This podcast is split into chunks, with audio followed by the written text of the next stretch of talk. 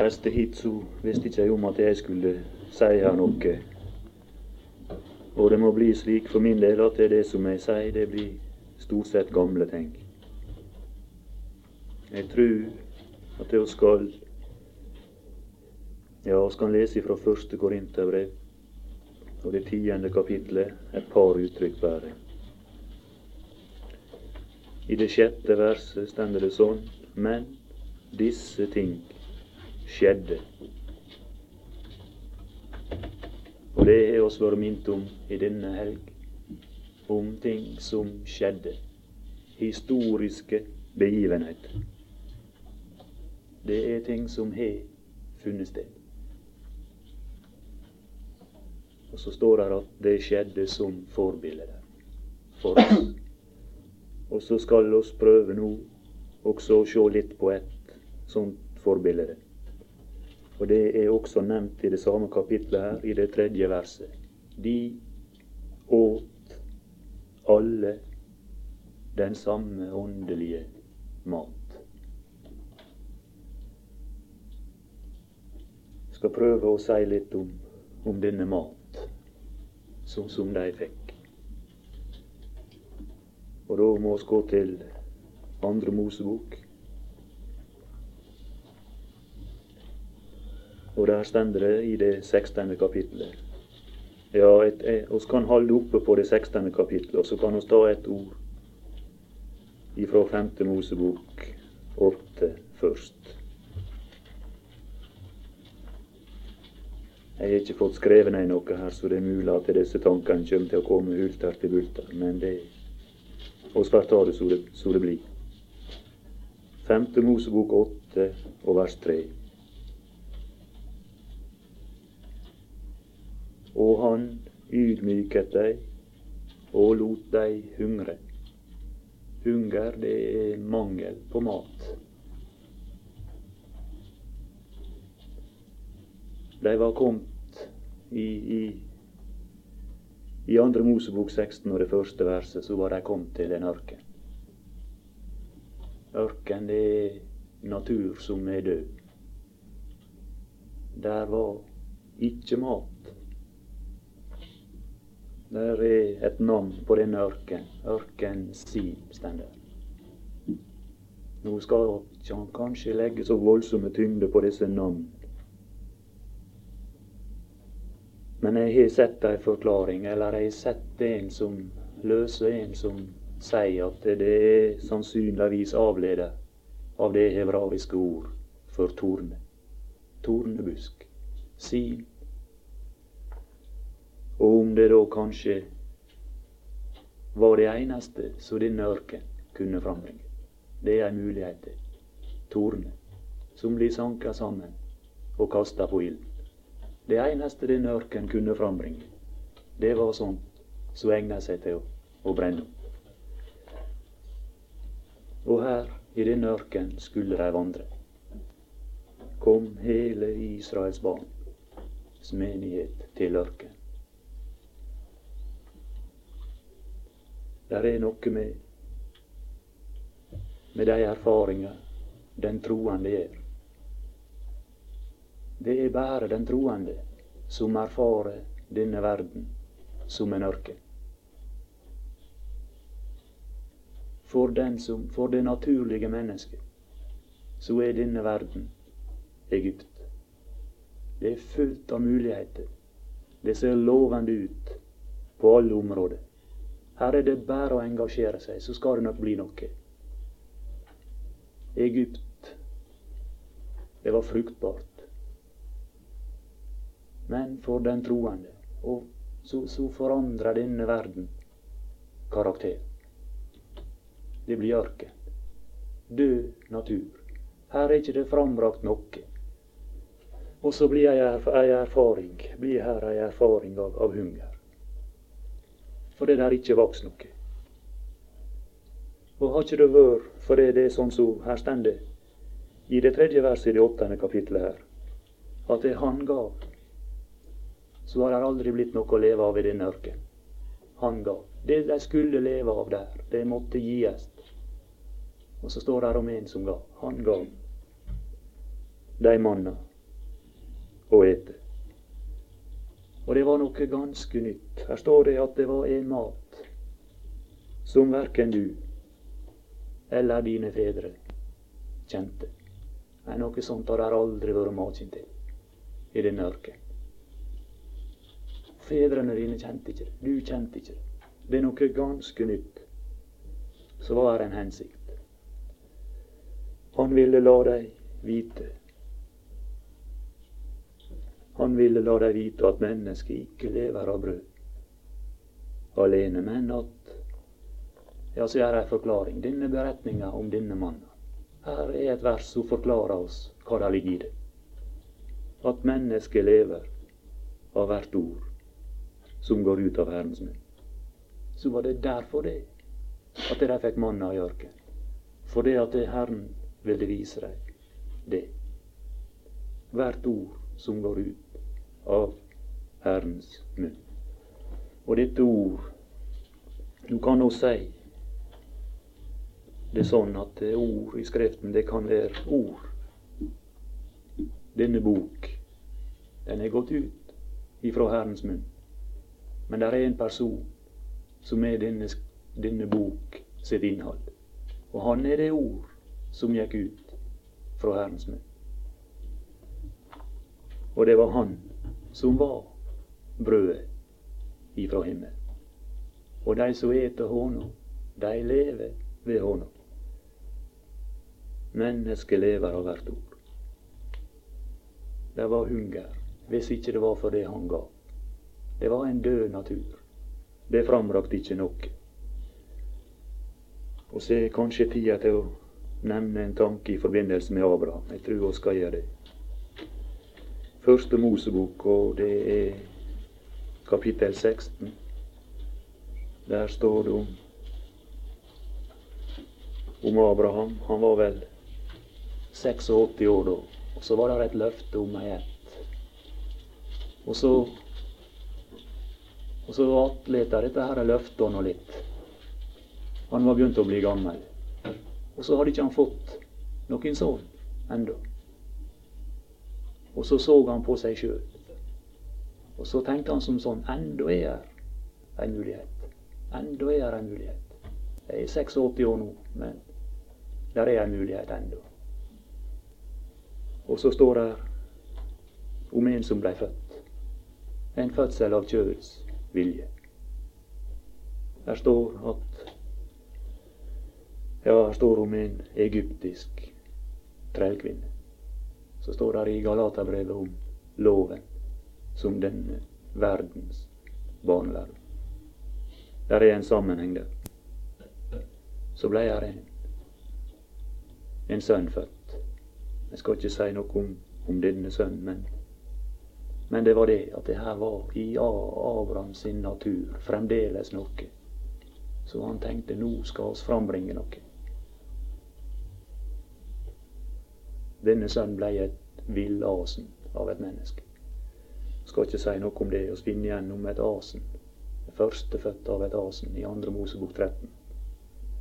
Men i det 17. kapittelet, der var det gått 13 år. Og da var det skjedd noe med Abraham. Da var han utlevd. Da var det død natur. Da kunne ikke Abraham frambringe noe som helst. Da var Abraham ja, jeg vet ikke om vi kan si ørken, men det tilsvarte det. Og da, i det 17. kapitlet, så er det en åpenbarelse av Gud. Åpenbarte Herren seg for ham og sa til ham, Jeg er Gud, den allmektige. Da var Abraham sett helt til side. Da var ikke det noe igjen som kunne frambringe noe der. Da var Gud allmektig. Og dette navn Han var El Shaddai. Stemmer det visstnok på grunnspråket. Shaddai. Hva er det? Det er bryst. Det er med fruktbarhet å gjøre. Da fikk han den åpenbarelse. Her er han som kan frambringe noe. Han er allmektig.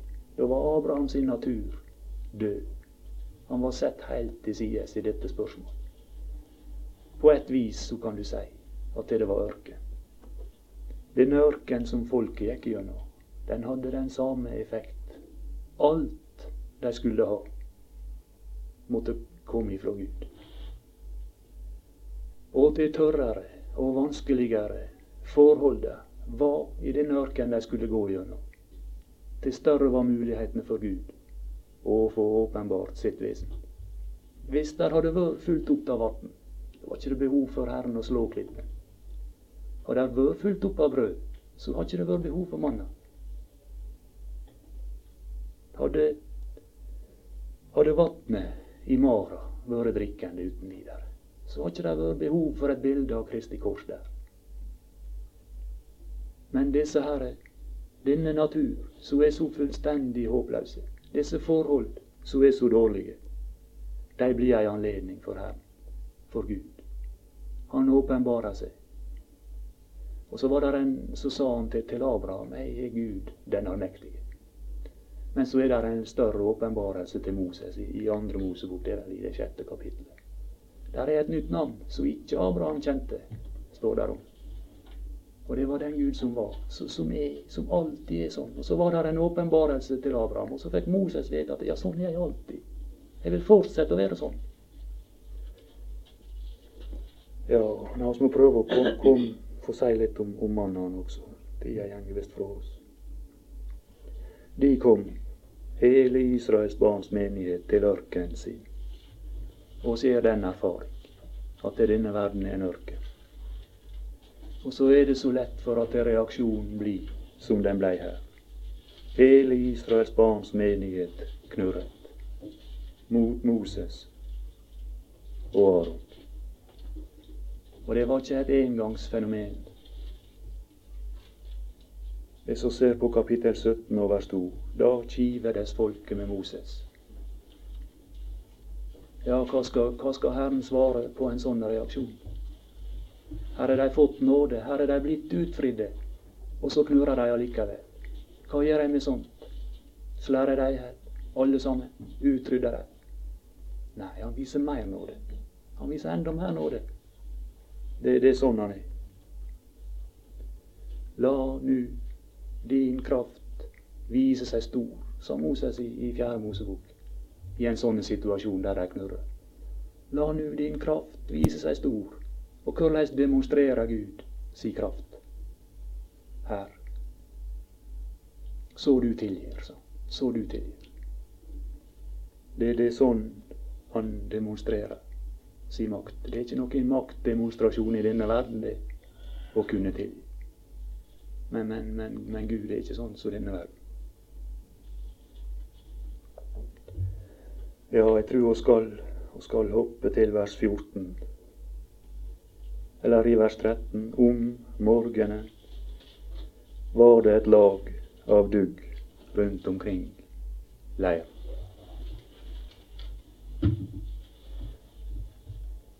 Og da duggen gikk bort Jeg kan ikke forstå det annerledes enn at det, denne dog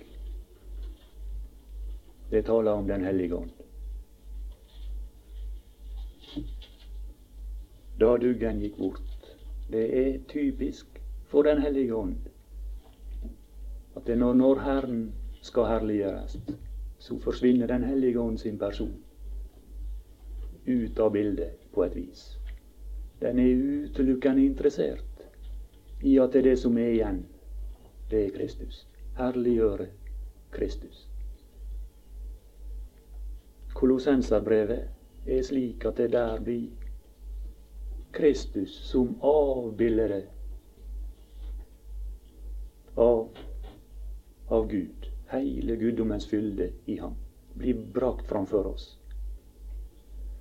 Og så sier Paulus at det oss er rotfesta i Han. Og så er det tanken at jeg oss skal kunne suge opp av denne guddommens fylde. For det der er en sånn rotforbindelse der. Og i det brev, når Den hellige ånd skrev ned det, så er Den hellige ånds person nevnt bare én gang i forbifarten. I det åttende verset i det første kapittelet. Den, den, den, den, er på en måte vekke for å frambringe Kristus. Og det er sånn her. Og det merker oss på, på vitnesbyrdet. Om det er Den hellige ånd. Da, da, da er det lite snakk om Den hellige ånd. Da er det mye snakk om Kristus. Det var løse tidligere her ifra Johannes 1. Der er døperen. Og han hadde et vitnesbyrd. Og det var typisk. De kom og så spurte de. Hva sier du om deg selv? Ja, Det var ikke mye han hadde å si om seg sjøl. Og så lenge de spora om han sjøl, så ble svarene hans kortere og kortere. Og så var han interessert i å, å tale om en. Ja, det er det, det, det som er et vitnesbyrd som er typisk for Den hellige ånd. Da lå det utover ørkenen, midt i deres tilstand. Det var der de var. Det var der de hadde behov for det. I denne ørken. Noe fint, kornet. Ja, fint kornet. Her står det et komma. Jeg er ikke ganske sikker på om at det egentlig ikke kan leses noe finkornet. Der er en engelsk oversettelse der, der, der det bildet ifra, fra en, om, en, om en morter. Om noe som blir støtt, knust i en morter. Det var sånn det så ut. Som om noen hadde knust det til et pulver. Og når Kristi person skal bli til føde for oss, så må oss først til Golgata. Han måtte knuses.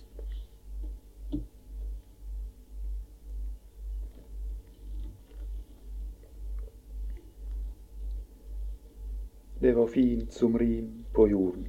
Da Israels barn så det, sa de til hverandre. Hva er det? For de visste ikke hva det var.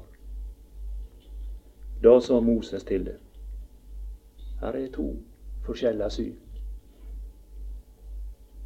Det, det er det brød Herren har gitt dere å ete. I Johannes 6 skal lese to vers, 41. vers. Der er noe som ligner på dette her.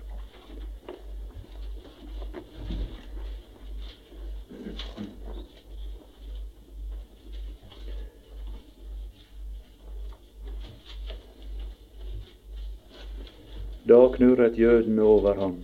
Det er vers 41. Fordi han sa. Det var det samme som Moses sa. Jeg er det brød som er kommet ned fra himmelen. Men folket, de som i, i, i 2. Mosebok 16 sa, hva, hva er det? De var ikke ganske med på denne tanken. Og, og, og denne ja, skal vi bruke ordet diskusjon, den finner oss igjen mange plasser. Er ikke dette Jesus, Josef sønn? Her er forskjellige oppfatninger. De han kom til, de kjente ikke noe igjen som denne han sa han var. De skulle han kjent han, men de gjorde ikke Og her var det som skulle reflektere Han som er lys som skulle gi et skinn.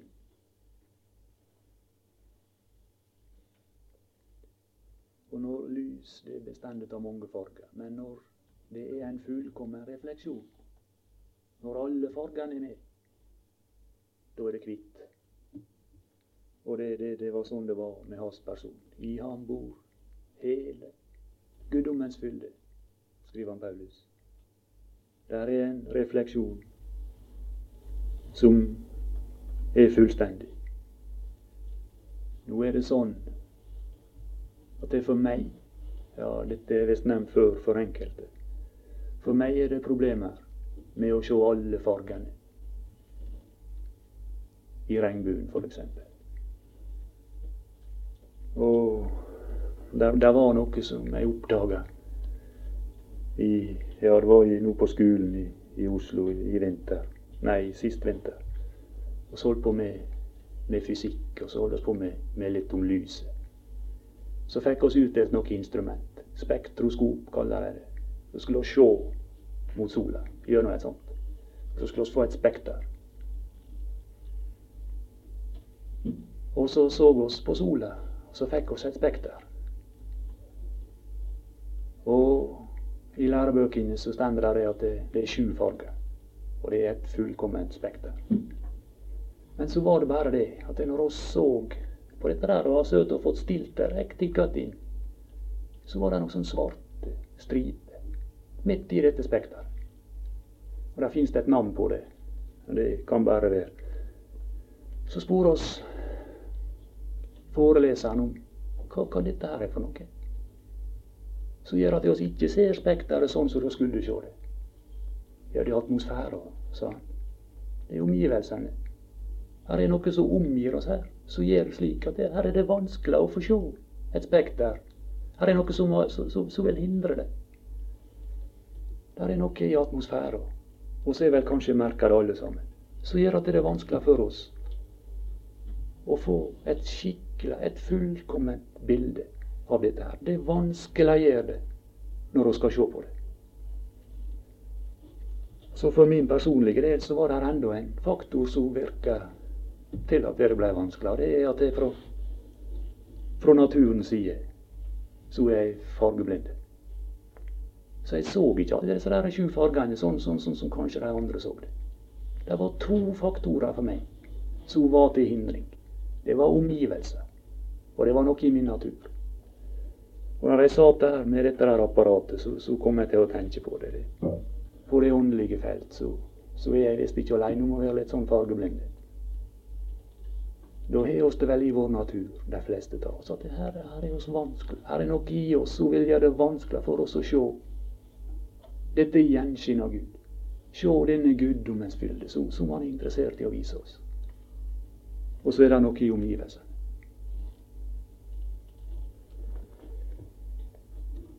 Ja, så står det mer. Det smakte det smakte som honningkake. Og honning er mye omtalt i, i Skriften. Jeg skal ikke si så mye om det der står om, om honning som, som hadde den egenskapen at det ga øyne. Det var i forbindelse med Jonathan i, i, i første Samuels bok. Klare. Der står om det landet jeg var på vei til i det tredje kapittelet i Andre Mosebok. Fører dere til et land som flyter av melk og honning. Og så ga han dem allerede her i arken, på veien til dette land, nettopp det som var karakteristisk for det landet de skulle til. Og så kunne de nyte det som karakteriserte landet, mens de var på vei dit. Det er det han gjør for oss det som himmelen er full av, og som karakteriserer himmelen. Det er han interessert i å dele med oss Men vi er på vei dit. Og så kan vi ha en smak av himmelen her. Men det, det smakte som For å gjøre den erfaringen, den må, det måtte smake. Det var, det var en smak. Du må ha det inn i munnen før du kjenner smak. Ja, og før at de kunne få det inn i munnen, så står det at det måtte sankes også. Vi oss ikke de versene, vi kan ta det i vers 16. Sank av det eftersom enhver trenger. Ja, der er visst forskjellige behov. Men eftersom enhver trenger, da innebærer det at det her er for alle behov.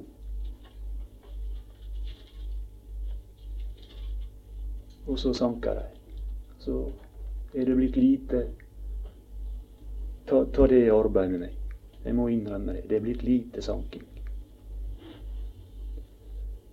Det var et spørsmål i, i Ruths bok. Det var ei som hadde noe å gi. Hvor har du sanket i dag? Hvor har du sanket i dag?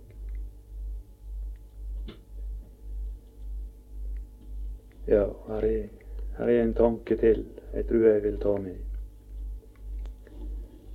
tror jeg skal ta det 20. vers. For det er ikke fullt så lett å snakke om det. For, det, for meg er det blitt et alvorlig vers.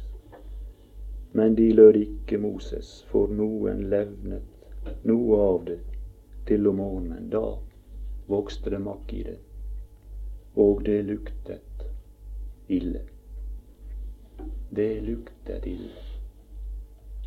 I Fjerde Mosebok 11 og vers 7 der er mannen sammenligna med et stoff som heter bedellium. Og, og dette bedellium det finner oss igjen flere plasser, eller i hvert fall på én plass til i Skriften. Så, og det er Jan i Første Mosebok 2 og 12. Og gullet i dette landet er godt, der er bedelje. Og så er de som er oversett her, de hjelper oss en god del her. De er plassert der ei stjerne, og så sier de at dette her er bedelje. Det er en slags velluktende gummi.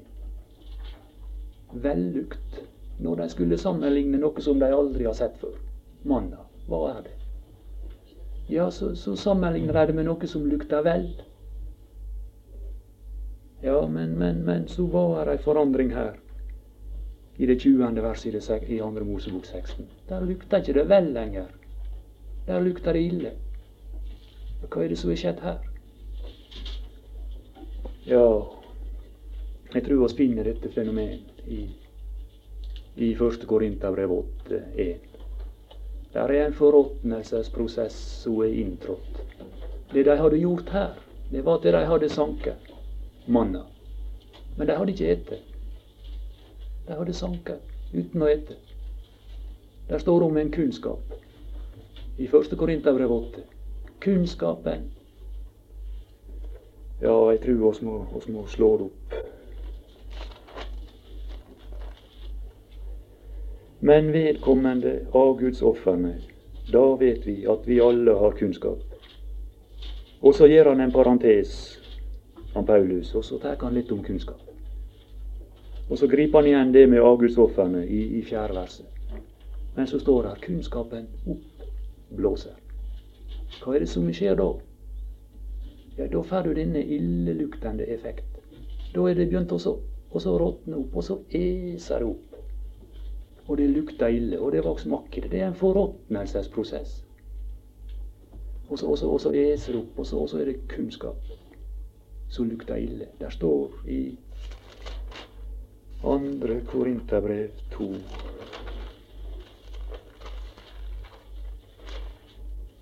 Her står det om en kunnskap. Ved oss åpenbarer sin kunnskapsduft. Ja, det, det, var det som var hensikten. Det skulle være ei vellukt, står det. Det går an, og det er fryktelig lett, å så samle kunnskap. Og så la være å ete. Og han Aurebekk han brukte å si det når han las ifra Johannes 6. Hva, hva er å ete? Ja, sa han, det er å gjøre noe til ett med seg sjøl. Og ta det inn, og så blir det til ett med meg. Det er å ete. Og da blir det denne her vellukt. Hvis ikke, så blir det bare kunnskap. Og så lukter det ille. Peter skriver, vi kan ta med det med det samme, andre Peters brev.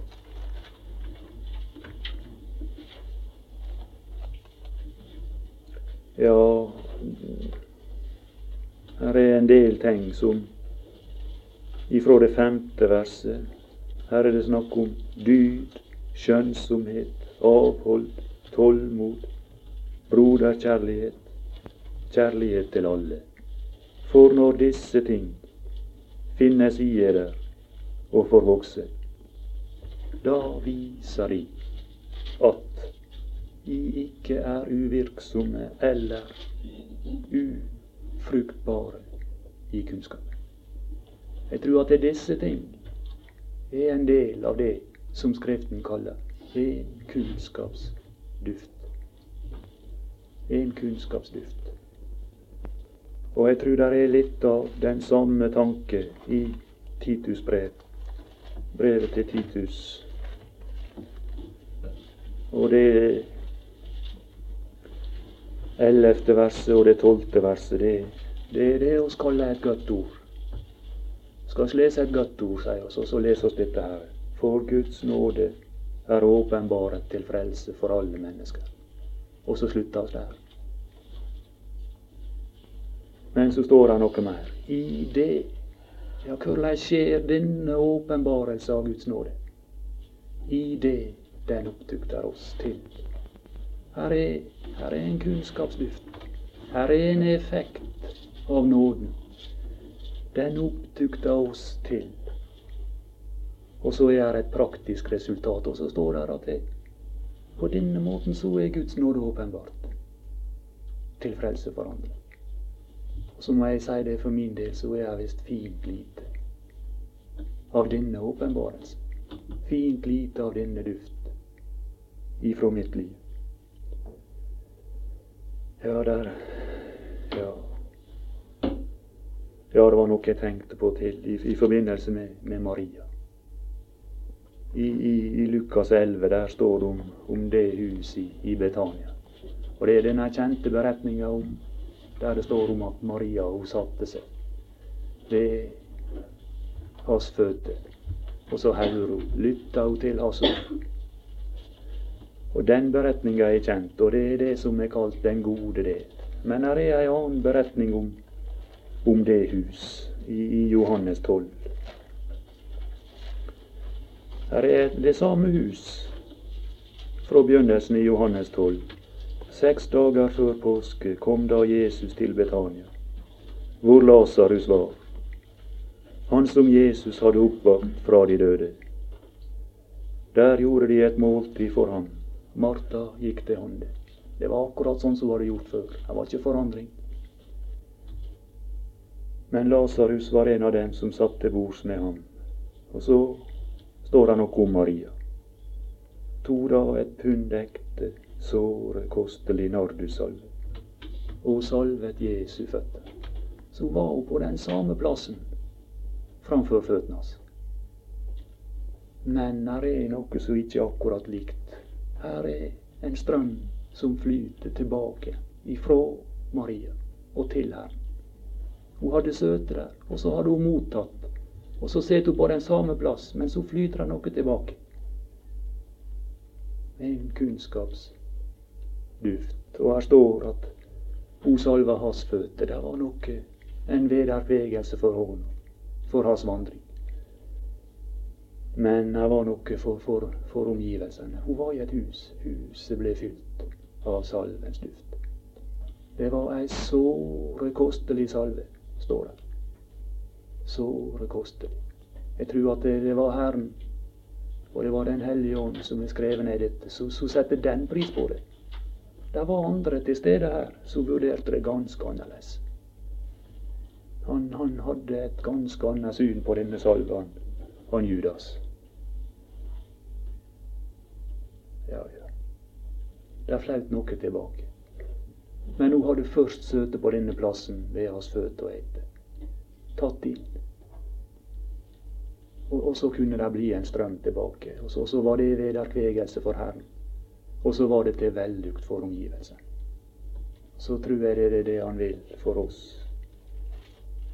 At det oss ikke bare skal, skal sanke, men at det skal bli ett med oss. Og at det kan flyte noe tilbake til Han. Og at det kan flyte noe til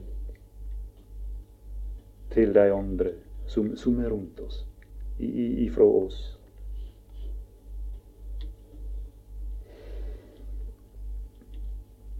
Ja, og der er en tanke til. Jeg tror jeg vil, vil bare minne om det til slutt. Her står i vers 30 så hvilte folket på den syvende dag. Jeg tror det er den første gang at den stilling er omtalt for dette folk sånn direkte. At de hadde ei hvile. Et, etter mannen var kommet, så ble denne dag omtalt etter at de hadde gått ut ifra Egypt. Nå hadde de fått De hadde fått, fått mat. De, de, de, kunne hvile. Og er en effekt av den han Paulus skriver om rikdommen av en fullviss innsikt. I Kolossenserbrevet 2. Nå frem til rikdommen. Jeg tror at det er denne hvile det er en av de ting som fyller meg, og har fått tilegna seg noe av denne mannen.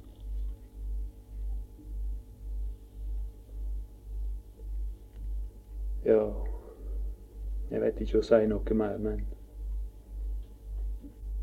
Men jeg vil bare si det til oss alle. La, la, la oss bli sånne som så, sanker av denne mannen. Og så sånne som eiter. Det er så fryktelig lett, og jeg merker det for min del, at det blir ting som han, han har bare, bare i, i hodet. Der står, I det verset jeg nevnte i Kolossenserbrevet 2, så står det at det er deres hjerte vinner frem til rikdommen av den fullvisse innsikt. Det er deres hjerte. Ikke først og fremst er deres hode. Ikke en sånn visdom som, som, som, som sitter bare i hodet. Der står om, om Herren i, i, i Jobbs bok 9, det fjerde vers. Vis som Han er av hjertet. Og det er noe med den visdom som, som er av hjertet. Den, den, den er annerledes enn den visdom som er, som er, er fra, fra hodet. Den visdom som, som bare har med det tankemessige, med, med med hodet å gjøre, for å bruke det ordet. Det. Den er kald ofte. Men når det at han blir vis av hjertet, da, sånn som Gud er vis, sånn som Herren er vis, da, da blir det varme. Det er en visdom som, som, som varmer. Og det er det han vil, at det skal bli vis på samme måte som han. Ja, Herre Jesus så vil oss komme framfor deg igjen. Og så vil jeg for min del takke for at du steg inn i denne verden for min skyld. At du var klippen som blei slått for meg. Og så flauter ut vatn. Og så fikk jeg komme, og så fikk jeg del i dette livets vatn. så var det et spørsmål i salmen her. Han har slått klippen. Mon han også kan gi brød. Så står det i dette ordet at det er nettopp det du kan. Du kunne slå klippen, og du slo klippen. Men også er du også gitt oss et brød, så vi skal leve på så må du hjelpe den enkelte ta oss, Herre, til å ta oss god tid ved dette bord som du er dekket, ved dette måltid, til å sanke og til å ete. Så vil oss legge fortsettelsen av dette kurset framfor deg, her. og be om at du tar deg av alt sammen. At det alt blir til de ære. Amen.